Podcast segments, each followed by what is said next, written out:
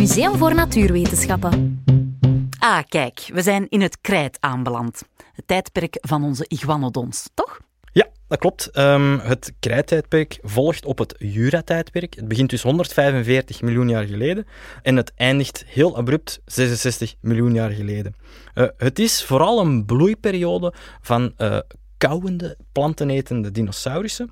En we zien ook heel veel uh, opvallend seksuele kenmerken ontstaan. Tja, dat heb ik precies toch niet geleerd op school. Wat bedoelt je daar dan mee? Ja, met seksueel kenmerken bedoelen we dan kenmerken die seksueel geselecteerd zijn. Uh, zoals bijvoorbeeld hè, de kraag op uh, de Triceratops zijn hoofd. Of um, er zijn heel veel um, nazaten van de iguanodons bijvoorbeeld, die allerlei kammen op hun hoofd krijgen. Dat zijn de hadrosauriërs. En we denken dat die kenmerken heel sterk selectief waren bij de voortplanting. Oké, okay, hoe, hoe, dat dan? Hoe, waar dienden die dan voor, die kammen? Of die kraag? Um, om te pronken en om... om te stoeven gewoon. Ja. Waren, om, hè, die boys gingen dan wat stoeven met hun kraag. Ja, een beetje gelijk de vetkuif van Elvis. Hè. Het was een beetje een, yeah. een, een, een statussymbool. Hoe groter uw kraag en hoe meer versiering dat erop stond, um, uh, ja, hoe meer vrouwtjes dat je kon versieren. Hè. Dat is duidelijk. Uh, Koen, het is een beetje raar, maar wij staan hier ook bij een skelet van een dino wiens naam niet op Saurus eindigt, maar op Saura. Maya Saura. Ik ga doen alsof ik Grieks heb gehad op school en vertellen dat Maya Saura goede moeder reptiel betekent. En dat is helemaal juist. Um, Maya Saura uh, is zo een hadrosaurier.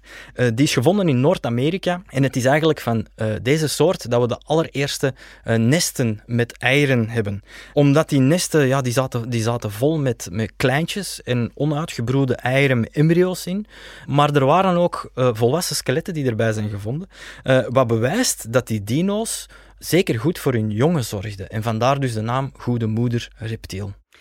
Uh, nu we bij het laatste tijdperk van de dino's aanbeland zijn, moeten we het ook hebben over het einde van de dino's. Koen, uh, je moet mij even helpen. Wat ik weet is dat er 66 miljoen jaar geleden een meteoriet van zo'n 20 kilometer diameter is ingeslagen op de aarde en dat die een krater heeft gemaakt van wel 200 kilometer.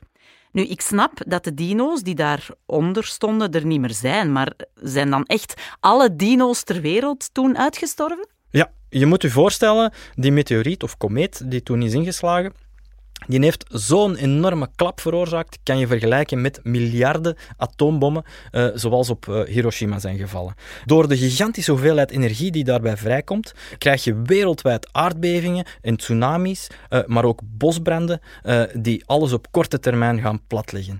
De impact gaat ook heel veel materiaal de atmosfeer insturen, dat die atmosfeer gaat opwarmen op korte termijn.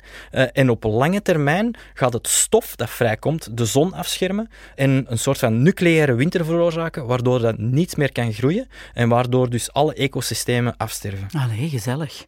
Ja, om toch een beetje op goed nieuws te eindigen, niet alle dino's zijn uitgestorven bij die ramp? Nee, de dieren die kleiner waren dan, het wordt geschat op 25 kilogram, is zowat de, de, de limiet. Dus alle dieren die lichter waren dan 25 kilogram, die hadden een kans om die ramp te overleven, omdat zij minder voedselbehoefte hadden. De vogels behoren hier bijvoorbeeld toe. Dus bijvoorbeeld de kip in mijn tuin. Die... Dat is eigenlijk een van de weinig overlevende dino's. Zot, hè?